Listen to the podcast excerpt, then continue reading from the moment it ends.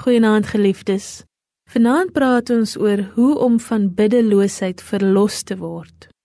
Die grootste struikelblok in die weg van oorwinning oor biddeloosheid is die gevoel diep in ons binneste dat ons nooit die seën sal smaak om daarvan verlos te wees nie.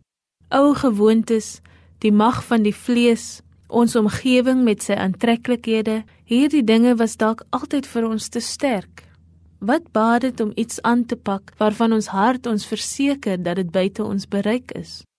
Die verandering wat noodsaaklik is in die hele lewe is te groot en te moeilik.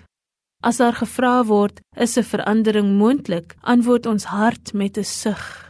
Helaas, vir my is dit totaal onmoontlik.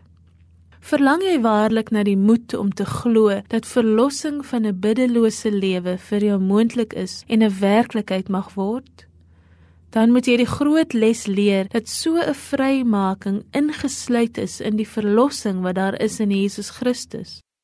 Dat dit een van die seëninge van die nuwe verbond is wat God self aan jou sal meedeel deur Jesus Christus. Wanneer jy dit begin verstaan, sal jy vind dat die vermaaning bid sonder ophou 'n nuwe betekenis gekry het. In jou hart ontspring die hoop dat die Gees wat aan jou gegee is om gedurig Abba Vader te sê, 'n ware gebedslewe vir jou moontlik sal maak. Dan sal jy luister, nie in 'n gees van mismoedigheid nie, maar in die blydskap van verwagting na die stem wat jou roep tot bekering. Baie sal moet erken, ek sien my fout. Ek het nie gedink dat die Here Jesus my ook van hierdie sonde moet verlos en reinig nie. Ek het nie begryp dat hy elke dag by my is wanneer ek bid, bereid in sy groot liefde om my staande te hou en te seën, al het ek dit anders beleef nie. Ek het nie gedink dat net soos hy alle ander seëninge aan antwoord op die gebed wil meedeel, hy net so, ja, bo alles en voor alles, die seën van 'n biddende hart wil skenk nie. Hoe dwaas om te dink dat alle ander seëninge van hom moet kom, maar dat die gebed waarvan al die ander dinge afhang, deur my eie persoonlike inspanning moes verkry word.